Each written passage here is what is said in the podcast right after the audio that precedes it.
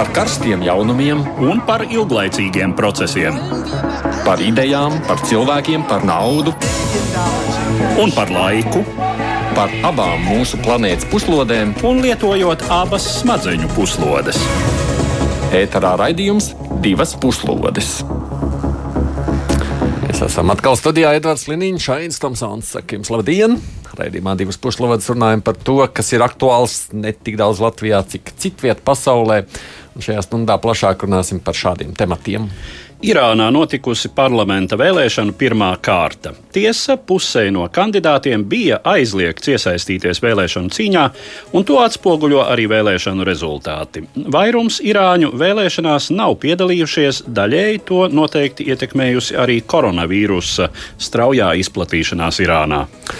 Afganistānā savukārt šonadēļ paredzēts parakstīt vēsturisko vienošanos ar talibiem.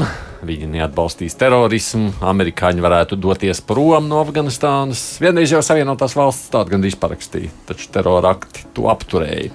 Bet nu, problēmas nav tikai ar talibiem vien. Es savukārt piedāvāšu jūsu uzmanībai nākamo ierakstu par Eiropas parlamenta frakcijām un grupām. Šoreiz mūsu temats būs jaunākā eirodeputātu grupa Renew Europe, jeb latviešu atjaunot Eiropu. Studijā kopā ar mums ir arī tuvu austrumu eksperts, TVN žurnālists Toms Rātfelders. Sveiki! Tev. Jā, sveiki, labdien! Un sāksim vēl ar dažām citām ziņām īsumā.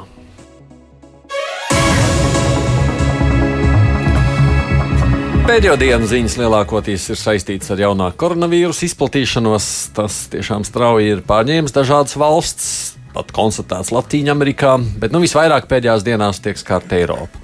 Tiek izolēts atsevišķas pilsētas, turisti paliek ieslodzīti savos viesnīcas numuriņos, varas iestādēm tādējādi cenšoties nodrošināt obligāto karantīnu. Slimība izplatība būtiski likus mainīt dažādus plānus. Kā jau dzirdat, Seulā koronavīrusa dēļ nenotiks pasaules čempionāts šortrakā.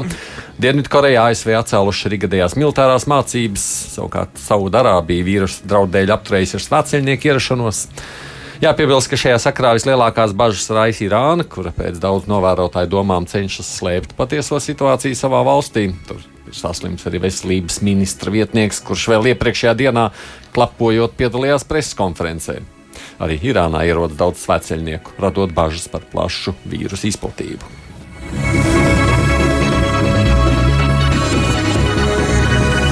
Liels līdzekļus cīņai pret koronavīrusu grasās tērēt Savienotās valsts. Arī tur pieaug satraukums par to, kas tur varētu nākamajās nedēļās notikt ASV. Baltais nams ir pieprasījis 2,5 miljārdus dolāru. No ārkārtas tēriņiem tiek prasīti nepilni 2 miljardi, pārējā nauda tiks ņemta no citām valdības struktūrām, arī pārkārtojot prioritātes. Finansējums tikšot tērēts laboratoriskiem izmeklējumiem, protams, karantīnai, vakcīnas izpētēji un izstrādēji, un arī koronavīrusa skarto štātu atbalstam. Pēdējās diennakts laikā šķiet stabilizējusies mazliet situācija ir akciju tirgos. Nedēļas pirmajās dienās tie piedzīvoja strauju kritumu, baidoties no tā, kā vīruss ietekmēs globālo ekonomiku. Trešdienas situācija kļuva pretrunīgāka. Akciju cenas mainījās dažādos virzienos, jo investoru bažas arī kompensē peļņas gūšanas impulsu.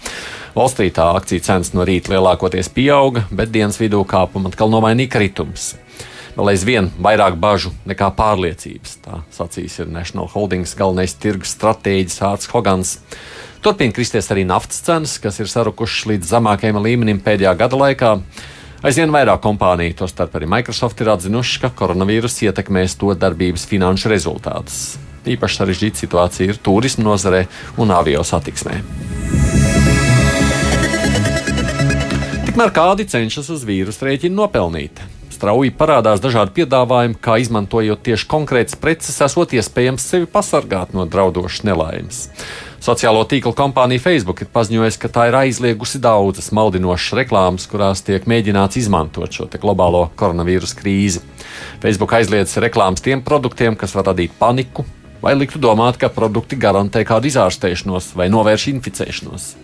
Piemēram, mūsu platformās nebūs atļauts reklāmas sejas maskām, kas vedina uz domu, ka tās ir vienīgās joprojām pieejamās, vai arī apgalvo, ka tieši tās garantē vīrusu izplatīšanās novēršanu. Tā ir norādīts Facebook paziņojumā.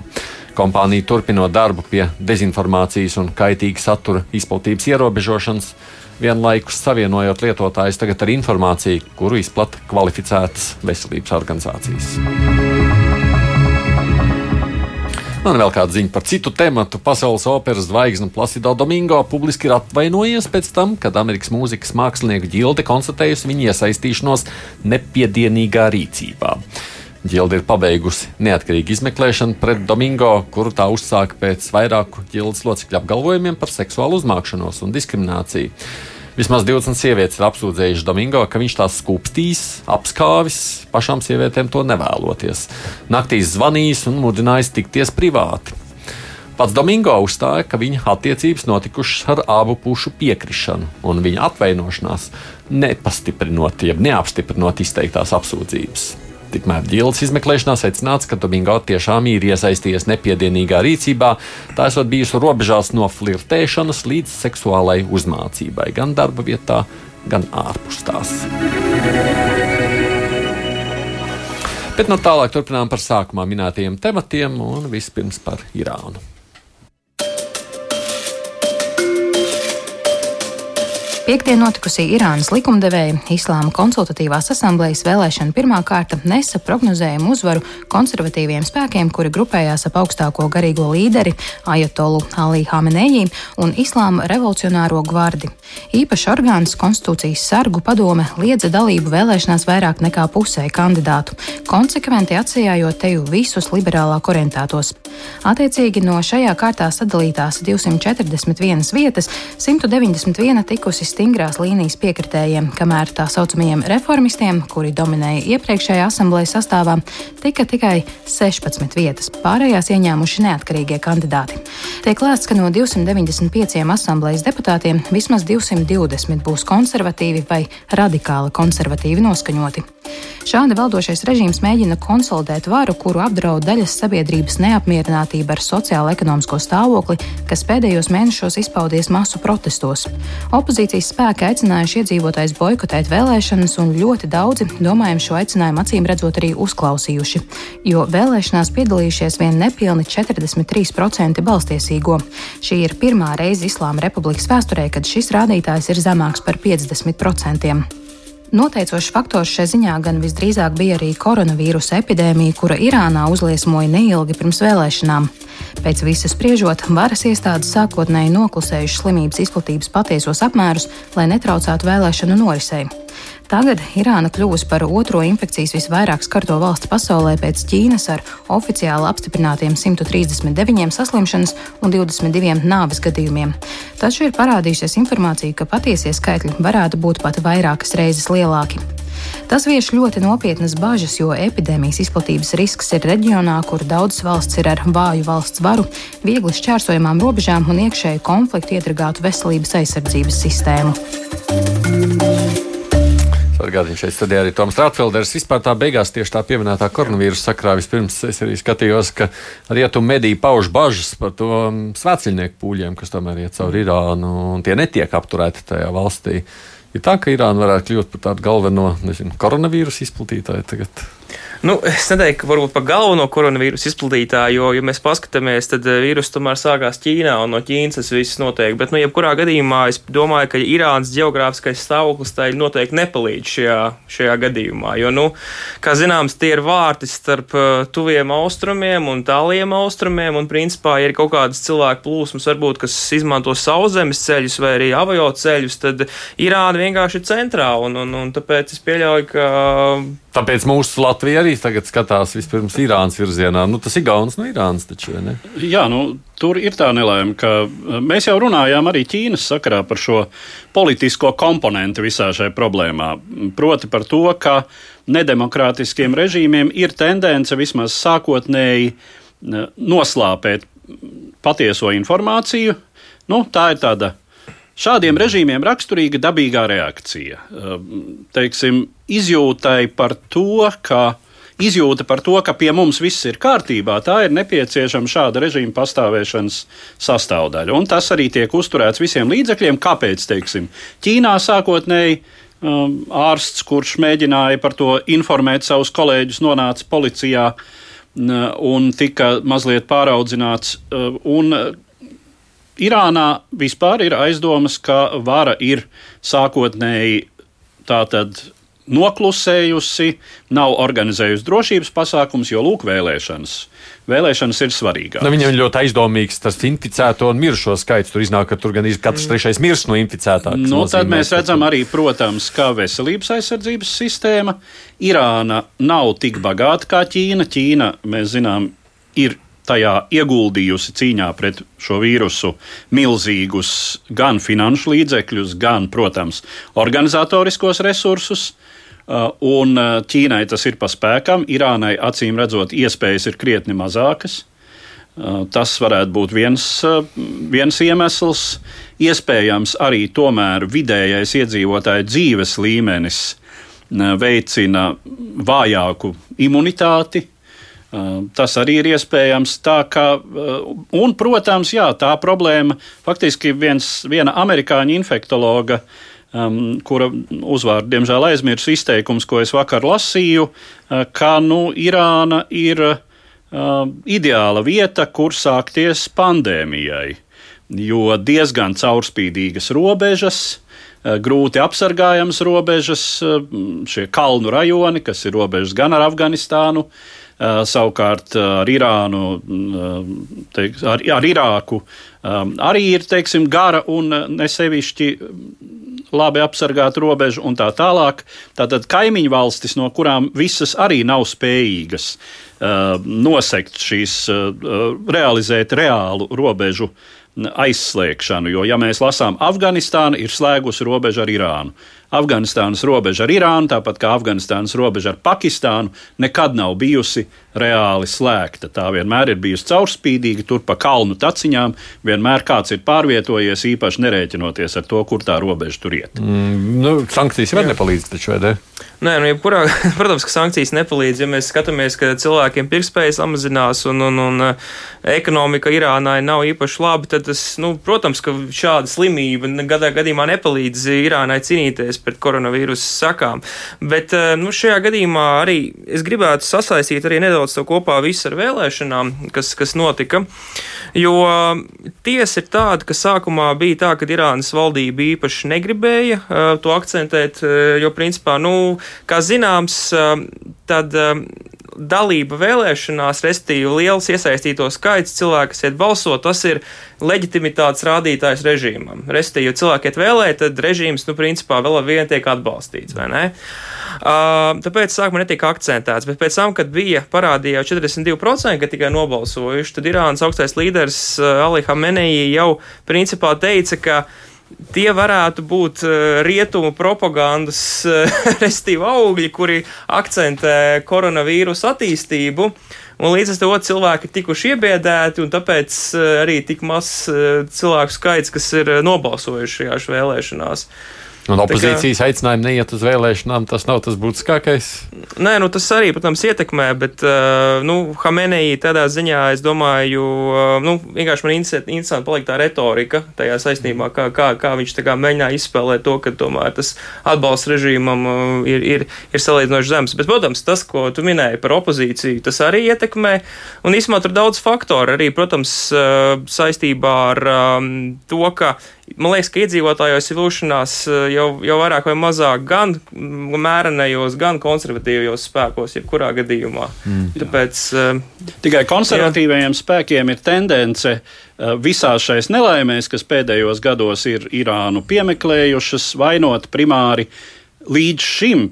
Uh, pie varas eh, nu, nosacīti, ja, bet, bet šai varas izpildu ešalonā un likumdošanas ešalonā uh, bijušos šos tā sauktos reformistus. -hmm. Jo līdz šim reformisti dominēja tātad šai asamblējā, premjerministrs nosacīti piederēja tomēr pie, drīzāk pie reformistu spārna, un viņiem sabiedrības konservatīvā daļa ir vairāk tendēta uzvelt vainu uh, Jo, lūk, jūs mēģinājāt sarunāt ar Ameriku. Amerika pēc tam mūs vienkārši, prasti sakot, uzmeta. Um, sākās ekonomiskais posts, uh, jūs ar to netikāt galā. un tā tālāk. Un tā tālāk. Jūs, jūs novedāt visu tik tālu, ka amerikāņi var nogalināt vienu no mūsu augstākajiem militārajiem vadītājiem. Mhm. Jūs esat visu salaiduši dēlī. Tāds ir konservatīvākās sabiedrības daļas uzstādījums. Nu, jā, runājot par šo vīrusa un opozīcijas aicinājumu faktoru, te jau faktiski ir zināma sakritība, jo cilvēki tātad pamatā atbalsta reformu spārnu un opozīciju lielajās pilsētās, kur iedzīvotāji ir salīdzinoši arī izglītotāki un labāk situēti, ar lielākām līdz ar to politiskajām ambīcijām, un arī tendēti, un arī attiecīgi uzmanīgāk, es domāju, reaģē uz dažādām tādām briesmām kā, kā šāda vīrusu izplatība. Vienkārši ir saprātīgāki. Un tāpēc uh, neskrien, neskrien vēlēt par režīmu, kuru, uh, kurš viņiem ir netīkams, labi zinot, kādas uh, tās vēlēšanas ir un kāds būs tas rezultāts. Un arī ir uzmanīgāki ar savu veselību, kur, teiksim, ierašanās uz vēlēšanām procents vīrusa izplatības epicentrā kas ir samērā neliela, bet ļoti konservatīvi noskaņota pilsēta, viens no Irānas reliģiskajiem centriem, eh, tur, kur šis vīrus faktiski sāka savu izplatīšanos, vēlēšanu apmeklējuma rādītāji ir vieni no visaugstākajiem. Mm. Ko garīgais līderis arī, protams, ir steidzies uzteikt. Mm -hmm. Lūk, cilvēki slimo, mirst, bet nāk par mums balsot. nu, bet labi par vēlēšanu rezultātu jēgu tam visam, kas no tā, ka tagad būs šāda veida asamblēja? Nu, jebkurā gadījumā tas nepalīdz mērenajiem, jo, lai gan parlaments e, nu, tam nav nu, visnoteicošākā loma Irānas ārpolitikas veidošanai, tomēr tam ir kaut kādas arī, arī instrumenti, kā var ietekmēt ārpolitikas veidošanu. Kaut vai saistībā ar līguma ratifikāciju, jo, peiks, jo teiksim, tagad um, Ruhani jau, jau labu laiku ir mēģinājis um, uh, Irānas bankas iesaistīt uh, starptautiskajā finanšu plūsmā. Restīvi par to pašu fatfu ir runa, par ko mēs esam tagad diezgan daudz arī diskutējuši. Un uh, tagad, principā, ja ir šāds parlaments, tad kaut kā likumdošanu dabūt cauri kaut kādu, kas nāk no starptautiskā līmeņa, ir praktiski neiespējami, jebkurā gadījumā. Nu, un ir, man liekas, ka diezgan daudz tādu piemēru vienkārši, kur šis parlaments var mērenējiem traucēt veidot kaut, kādu, kaut kāda veida labvēlīgākas attiecības ar rietumiem un mēģināt kaut kādā veido, veidā varbūt uh, meklēt kaut kādus saskarsmes punktus, kur tomēr varētu mazināt uh, šīs, um, šīs nesaskaņas pagaidām, kas notiek Irānas, teiksim, un ASV attiecībās. Un kas man liekas arī ir diezgan būtiski, ko pieminēt, uh, ir tas, ka īsnībā šie parlamenta rezultāti varbūt prelūdija arī Pirānas prezidenta vēlēšanām, kas notiks, uh, ja nemaldos, 2021. gadā vai 2022. 21. man liekas. Uh, un uh, tas arī varētu, teiksim, uh, nosk nu, ievadīt tādu kā noskaņojumu, varētu teikt, vai zīme būt, kas notiek, ja atkal nāk pie varas uh, konservatīvāk noskaņots prezidents. Un, un, un eh, tad vispār būtu, būtu, būtu jautājums par to, ka lielākā daļa no Irānas ārpolitikas vedošanas centriem būtu konservatīvu spēku rokās. Nu, kā tā izstāsta perspektīva reālā? Jā, nu to ir, par to ir grūti, uh, grūti spriest. Šobrīd izskatās, ka nu, Irānas sabiedrība ir sadalījusies apmēram uz pusēm. Mm -hmm. Bet, protams, vara ir pietiekami cementēta, teiksim, uh, tajai, tai ir joprojām pietiekams gan um, administratīvais, protams, militārais potenciāls, gatavība pie vajadzības nogalināt, uh, kas ir tāds, nu, tas skan ciniski, bet, uh, bet tas ir ļoti nozīmīgs faktors. Vai šie varas vīri ir gatavi, teiksim, šaut uz tiem, kur iziet ielās? Um, Padomju Savienības sabrukuma posmā lielā mērā vara vairs nebija gatava. Um, uz kādu šaut, vai, nu, teiksim, mm. ja, ja, nu, ja nu atļāvās, tad šāva no stūra, nevis tieši virsū. Ja? Um, un savukārt uh, Irānā nu, izskatās, ka, teiksim, ja tavā pusē vēl ir puse no sabiedrības, ja tev ir ideoloģija, uh, kas ir lietojama kā labs pārliecinošs instruments un uh, tavu atbalstītāju konsolidēšanas instruments, un šajā gadījumā tā ir nevis vienkārši politiska ideoloģija vai sociāla politiska, bet tā ir reliģija. Mm. Vārda tiešā nozīmē, kas, kas ir nu, dziļāk iesakņots un parasti spēcīgāks līdzeklis šādos gadījumos. Kaut arī gan arhaisks. Un es pieļauju, ka, es pieļauju, ka teiksim, tas, var, tas var vilkties vēl gana ilgi. Um, nu, iespējams, ka um, var būt kādi, kād, kāds ilgstošs uh, nemieru un savukārt to diezgan asiņainas apspiešanas posms. Uh, nu, te, ir, te ir jautājums par to, uh, vai Irānas sabiedrību izdosies nomierināt, tai nolaižot asinis. Nu, jebkurā gadījumā ceru, ka līdz tam nenonāks. Lai gan protesti, es domāju, ka turpināsies jebkurā gadījumā Irānas sabiedrībā. Bet, nu, es domāju, ka valdošais režīms arī pats saprot, ka viņa principā pastāvēšana ir atkarīga no, no, no cilvēku, tā kā arī atbalsta viņiem. Tā kā, nu, um, es pieļauju, ka Irāna varētu turpināt kādu laiku vismaz vēl spēlēt uz saucamā ārējā ienaidnieka kārtas jo, jo, jo autoritāriem režīmiem, arī, ko mēs redzam, teiksim, Putina kontekstā, ir raksturīgs mēģinājums atrast kaut kādu spēlētāju, kas respektīvi grib to sagraut no ārpuses. Un Irānai vienkārši pagaidām ir ļoti viegli to darīt ar ASV, jo nu, mēs skatāmies, ka Donalda Trumpa ārpolitika īpaši uh, neveicina dialogu Irā, Irānas jautājumā. Un, un, un, tas noteikti kādu laiku vēl nemainīsies. Vismaz uh, noteikti vēl ne līdz vēlēšanām. Tas nozīmē, ka mums jau par Irānu diezgan daudz būs ko runāt. Ne? Es domāju, ka noteikti. Nu, neatkarīgi no, no jebkā mums par Irānu droši vien nāksies runāt šīs valsts lieluma un nozīmes dēļ. Jā, un varbūt koronavīrusa dēļ arī. Dodam, turpinām par gaidāmo notikumu turpat blakus Afganistānā.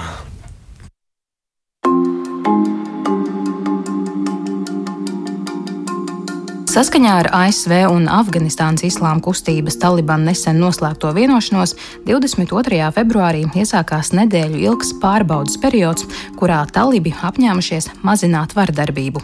Ja šī vardarbības mazināšana no amerikāņu puses tiks atzīta par pietiekamu, 29. februārī varētu tikt noslēgts līgums, kas paredzētu Taliban apņemšanos neatbalstīt starptautisko terorismu Afganistānā un radītu pamatu amerikāņu spēku atvilkšanai no šīs centrālāzijas valsts.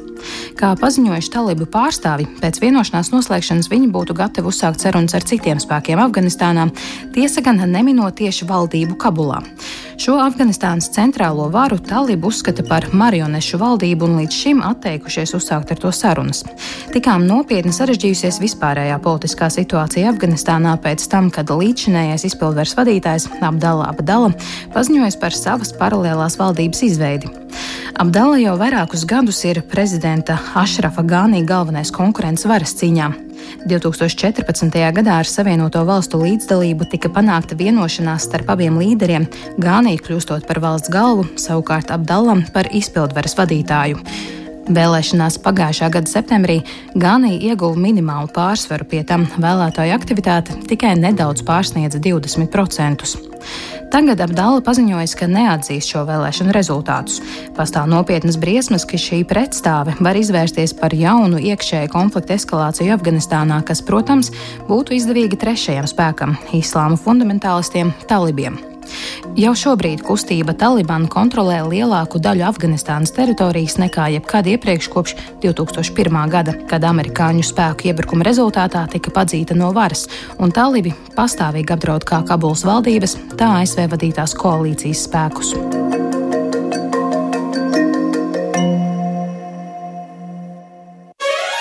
Divas puslodes! Atgādījums studijā kopā ar mums tuvu austrumu eksperts Toms Rātfelders, un mēs ar Eduardu Liniņu Vispirms par tev līgumu par tiem talibiem. Izskatās, tiks noslēgts šoreiz, Edvards. Nu, šis līgums varētu tikt noslēgts. Katrā ziņā nu, jau ir pagājušas uh, piecas pilnas rīta sestā diena. Sliktu ziņu nav no Afganistānas. Un, jā, nu, nav ziņu, uh, ka Tā tad, jā, ka šī, ka šī vienošanās būtu, redziet, te, ir, te jau tas ir interesanti, jo nav runa par uguns pārtraukšanu. Runa ir par nu, kā to sauc, daļēju pamieru vai vardarbības mazināšanu. Tātad viņi solās īpaši neplosīties, savukārt Savienotās valstis, nu, teiksim, tā arī. Uh, acīm redzot, ir gatavas pievērt acis uz sīkiem incidentiem. Jā, ja tā tad nebūs lielu mērķtiecīgu teroraktu um, un tā tālāk, bet nu, kaut kāda teiksim, pašaudīšanās, piemēram, sastopoties kaut kur uh, kādā, uz kādas kalnu takas uh, valdības armijas patruļai ar, uh, ar talību kādu vienību, ja, savstarpēji apšauda, nu, tas ir ok. Ja. Nu, teiksim tā, es, es tā improvizēju, protams, bet, bet tā es to iztēlojos. Tā tad tāds puspamieris. Izskatās, ka šis puspamieris būs sekmīgi novadīts. Uh, un tad, jā, tad varētu tikt noslēgta šī nu, primārā vienošanās. Uh, lai gan uh, nu, tā arī ir tāda, nu, tas ir tāds pirmais solītis.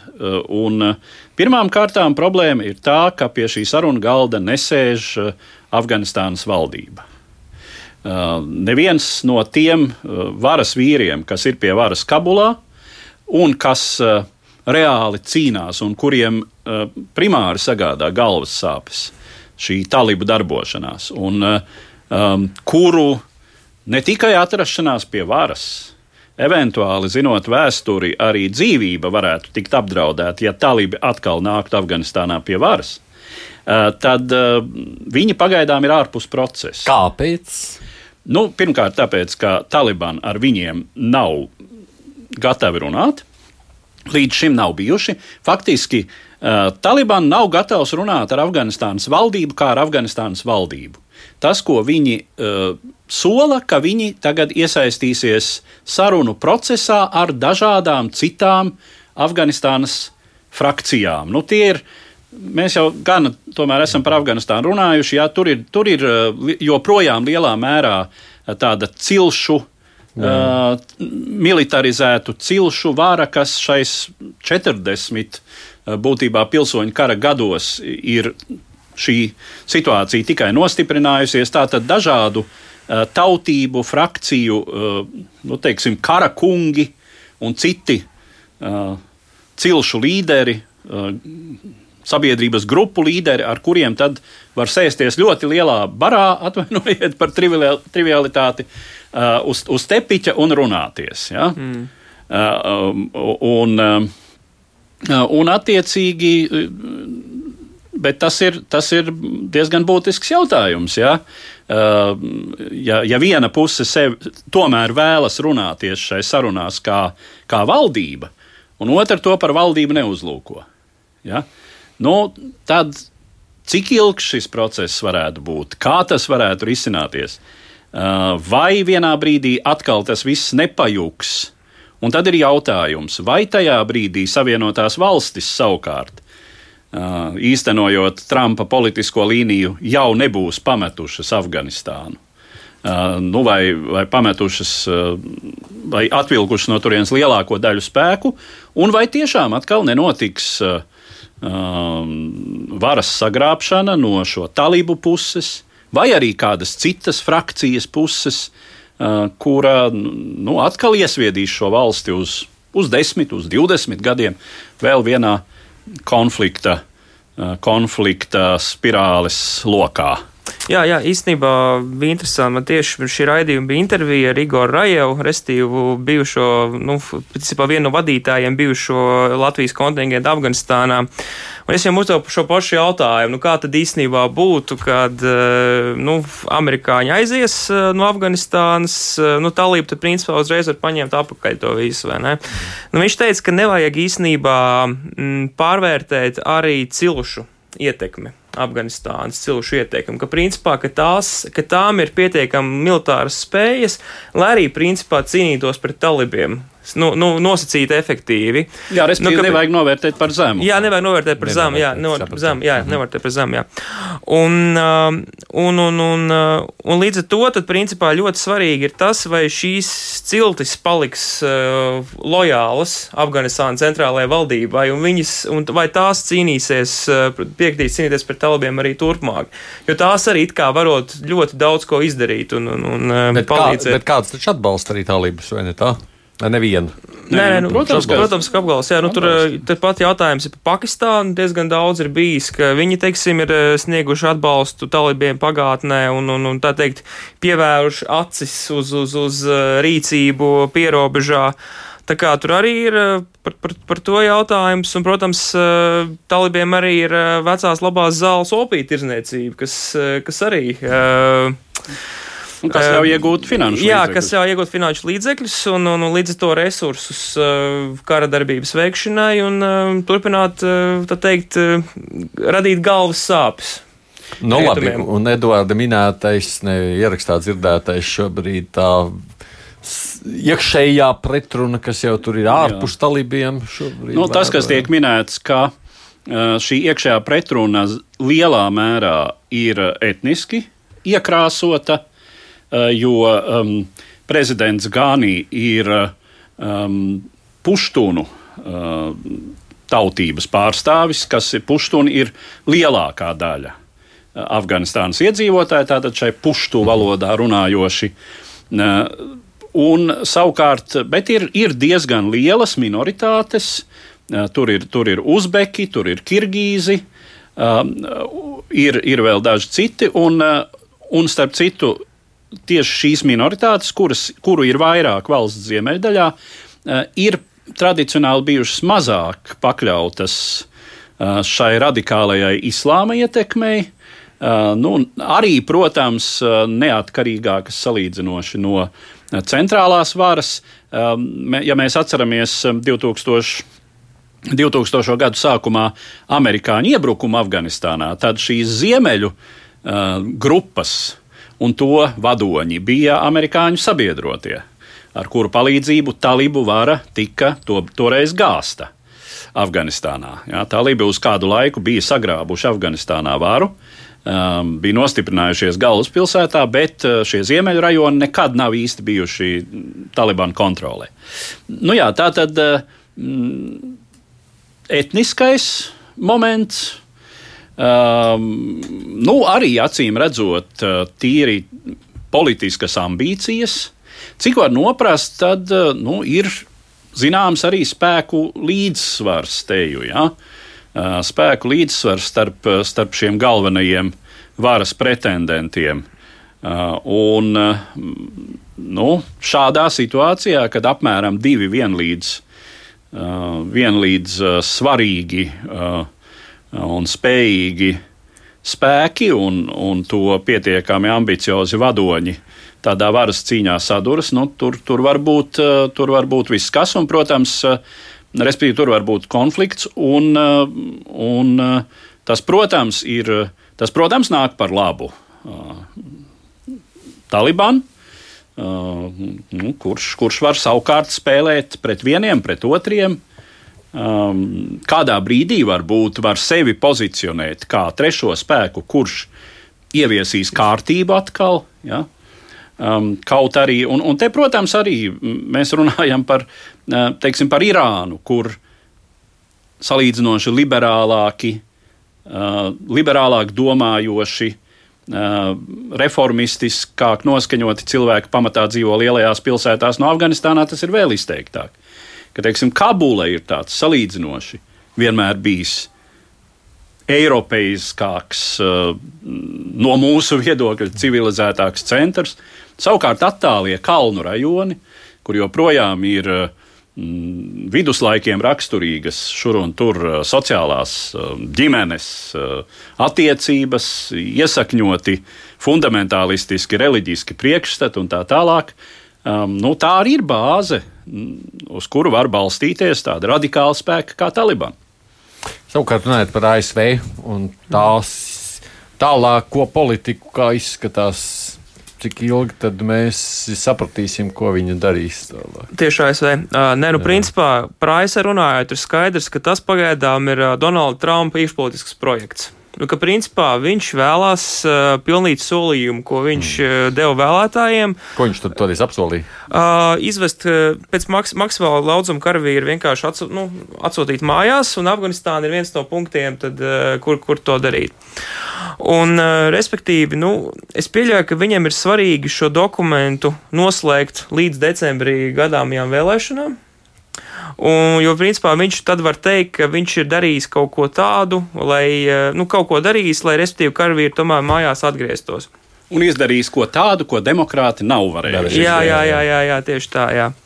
Un, uh, jā, ja viņš to spēs izdarīt, tad principā tas būs eh, ļoti labs eh, nu, politisks eh, kapitāla veidošanas tāds, tāds, tā, tāds instruments. No, Irāna, kā, no Irākas arī ved mājās. Jā, nu, viņš no, nu, to, tojiem austrumiem viņam tā kā īpaši vēl tur īstā neveicās, tā kā, jo, jo tur sanāk to papildināt tos karavīrus, bet, nu, no Afganistānas, jebkurā gadījumā izstāsta, ka iet uz to pusi vairāk.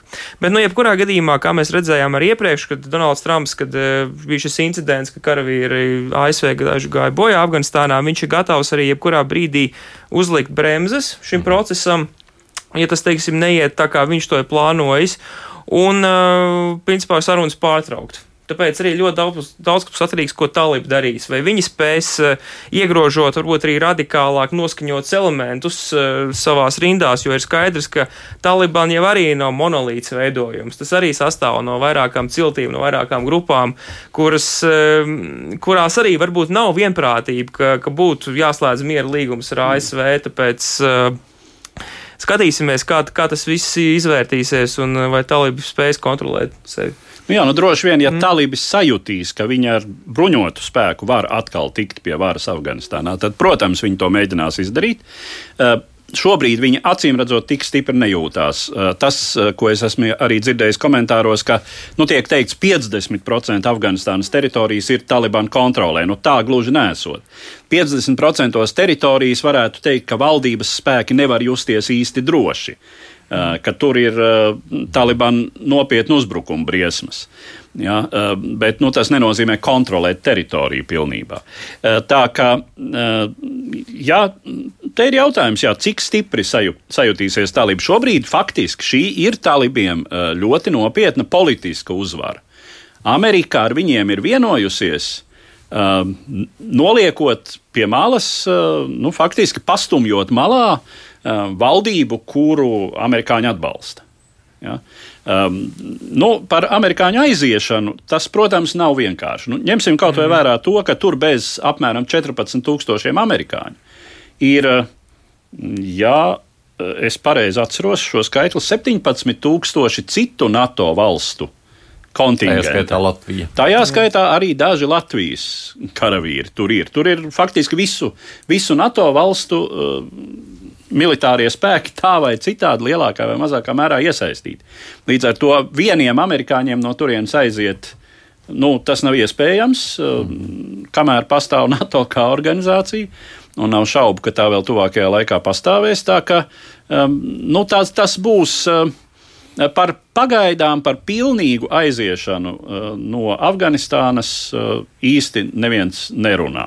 Nu, Talība vienīgais uzsver, ka principā līguma noteikumos ir teikts, ka viss aizies, bet ko ASV īstenībā nolieguši. Tāpēc tur tāda neliela nevar saprast, kas, kā tā komunikācija veidojās. Bet, bet jā, tā kā, nu, es domāju, ka neviens uh, nedomā, ka respektīvi var pilnībā uzreiz karavīrus visus aizvest un, un, un neko tur neatstāt. Man liekas, ASV jau arī domā principā par kaut kādu pretterorismu terorismu vienības atstāšanu, tomēr kaut kādas mm. klātbūtnes saglabāšanu. Jo, kā, jo tas ir galvenais jā. jautājums, ir tās bažas, nu, lūk, viņi aizies un te mm. viss jā, jā, jā. notiks. Nu, jā, jā, jā. Lai gan, nu, jāsaka arī kas arī tiek minēts, ka uh, koalīcija ir ieguldījusi diezgan daudz Afganistānas valdības militāro spēku attīstībā.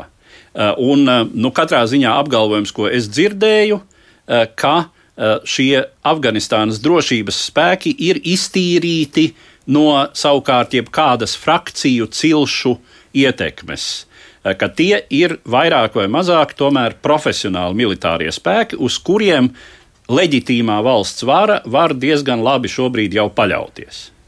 Mhm. Un iedzīvotāji attieksme, mums ir nepilna minūte, gan tikai palikusi. Un iedzīvotāji attieksme atkarībā no tā, kurā ciltim, kurā reģionā dzīvo. Ja?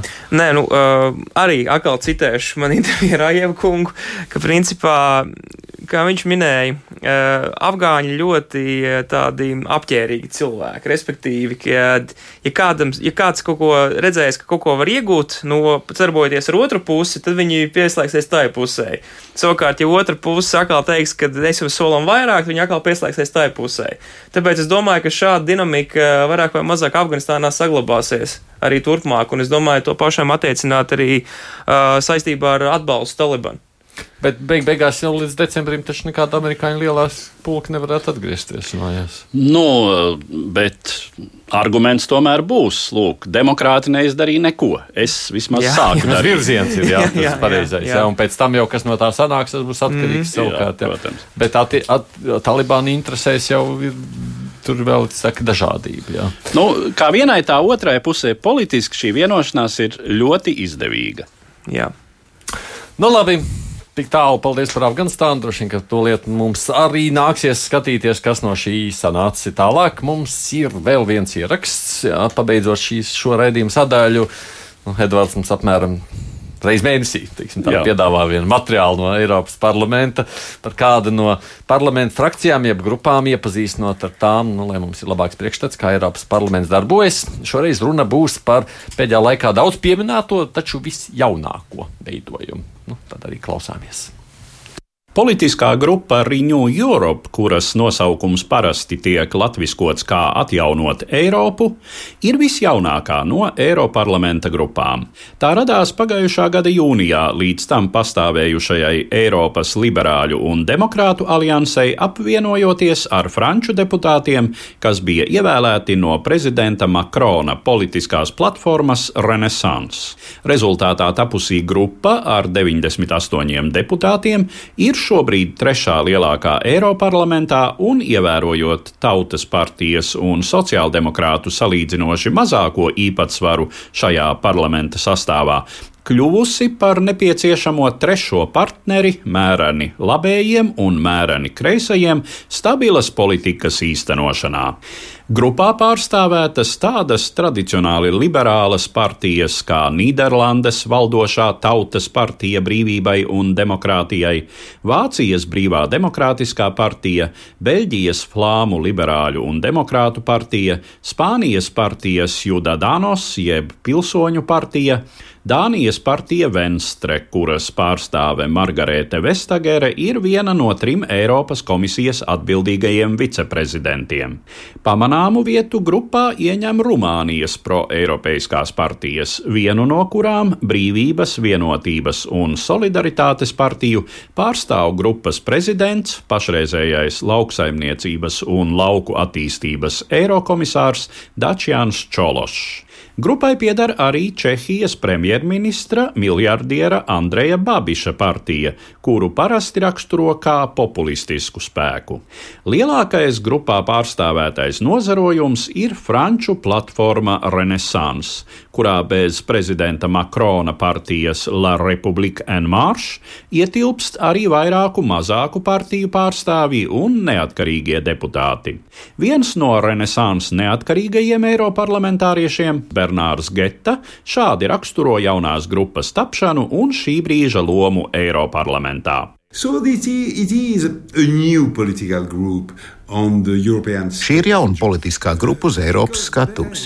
Pamatā līdz pēdējām vēlēšanām divi dominējošie spēki bija Tautas partijas konservatīvie un sociāldemokrāti.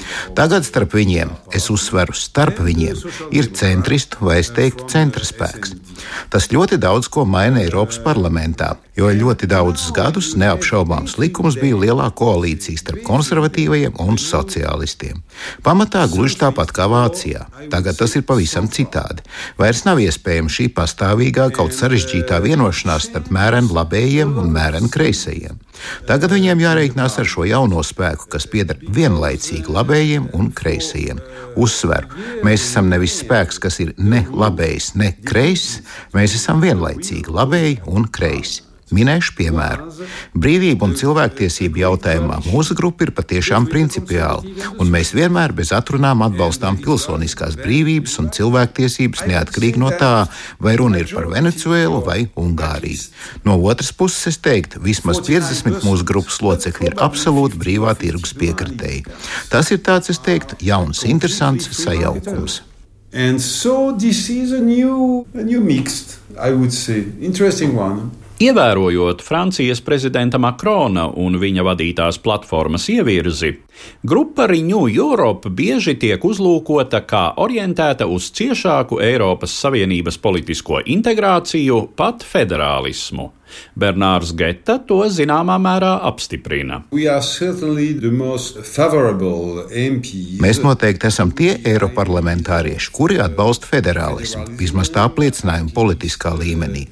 Katrā ziņā mēs esam daudz lielāki šo ideju piekritēji nekā konservatīvie, kur šai ziņā ir dziļi sašķelti.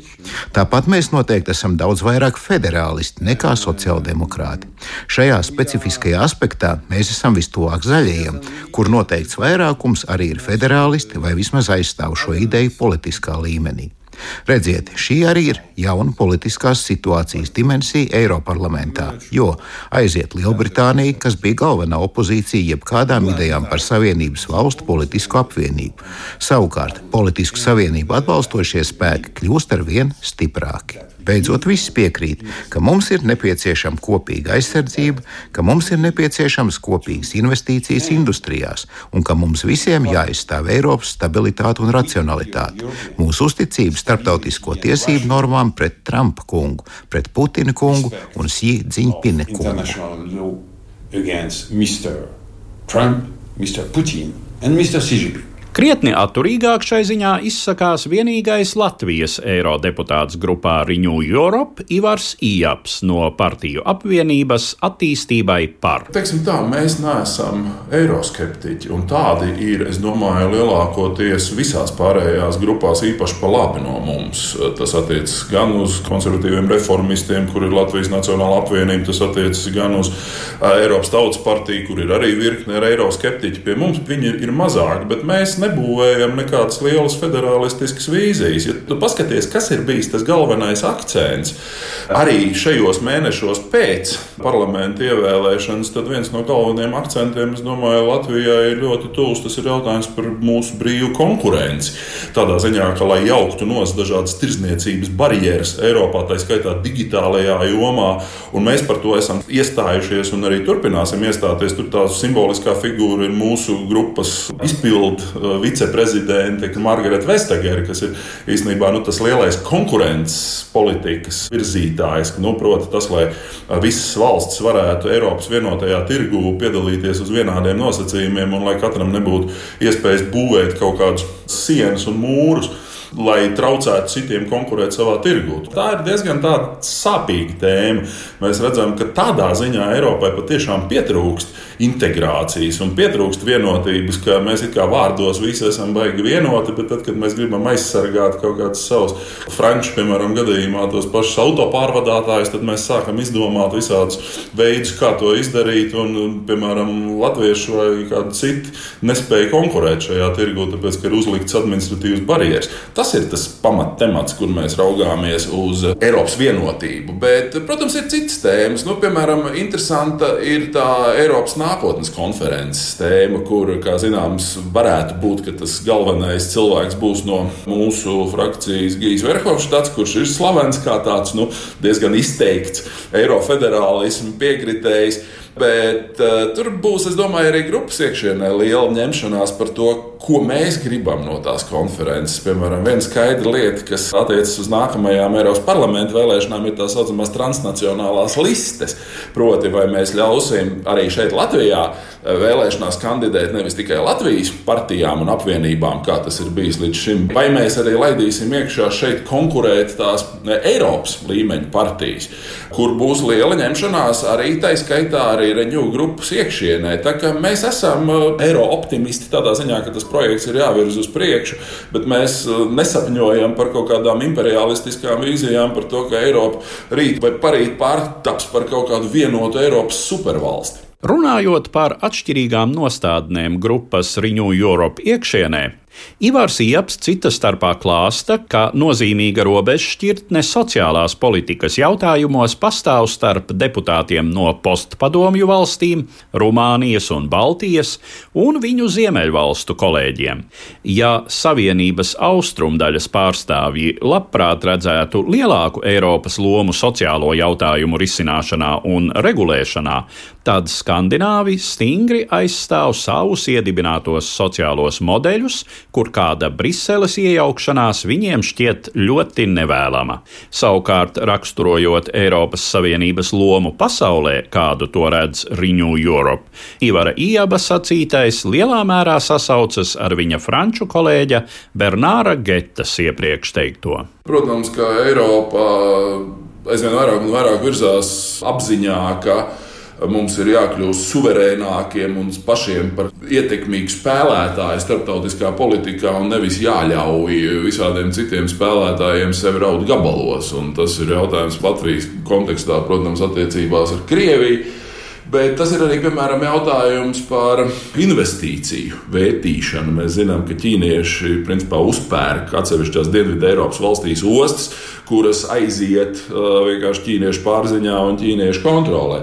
Mēs domājam par to, ka tā tam nevajadzētu būt, bet šis domāšanas virziens sāk pakāpeniski attīstīties aizvien vairāk un vairāk. Eiropā ir jādomā par savu, nu, ja vēlaties, suverenitāti. Tāpēc, ja mēs paskatāmies uz visiem kaut kādiem pašiem lielajiem digitālajiem milžiem, Tad, neraugoties uz to, ka Eiropā ir ļoti daudz ļoti labu institūtu un zinātnieku, mums ar zinātnes sasniegumu komercializācija un viņu virzīšana tirgū iet ļoti švaki. Nu, visi lielie sociālie tīkli, piemēram, kas mūs kontrolē un kas mūsu dzīvi ļoti bieži ietekmē, tie visi ir amerikāņi. Nu, daži arī ķīnieši, nu, šis tas ir Eiropā, bet Eiropa diezgan būtiski atpaliek. Nu, tas ir jautājums par to, ka Eiropai vienkārši jāinvestē krietni vairāk zinātnē un pētniecībā tādā veidā, lai nevis vienkārši uzraksta projektu un kaut ko smuki izpēta, bet lai uz tā pētījuma pamata tiek radīts kaut kāds konkurence konkurētspējīgs produkts.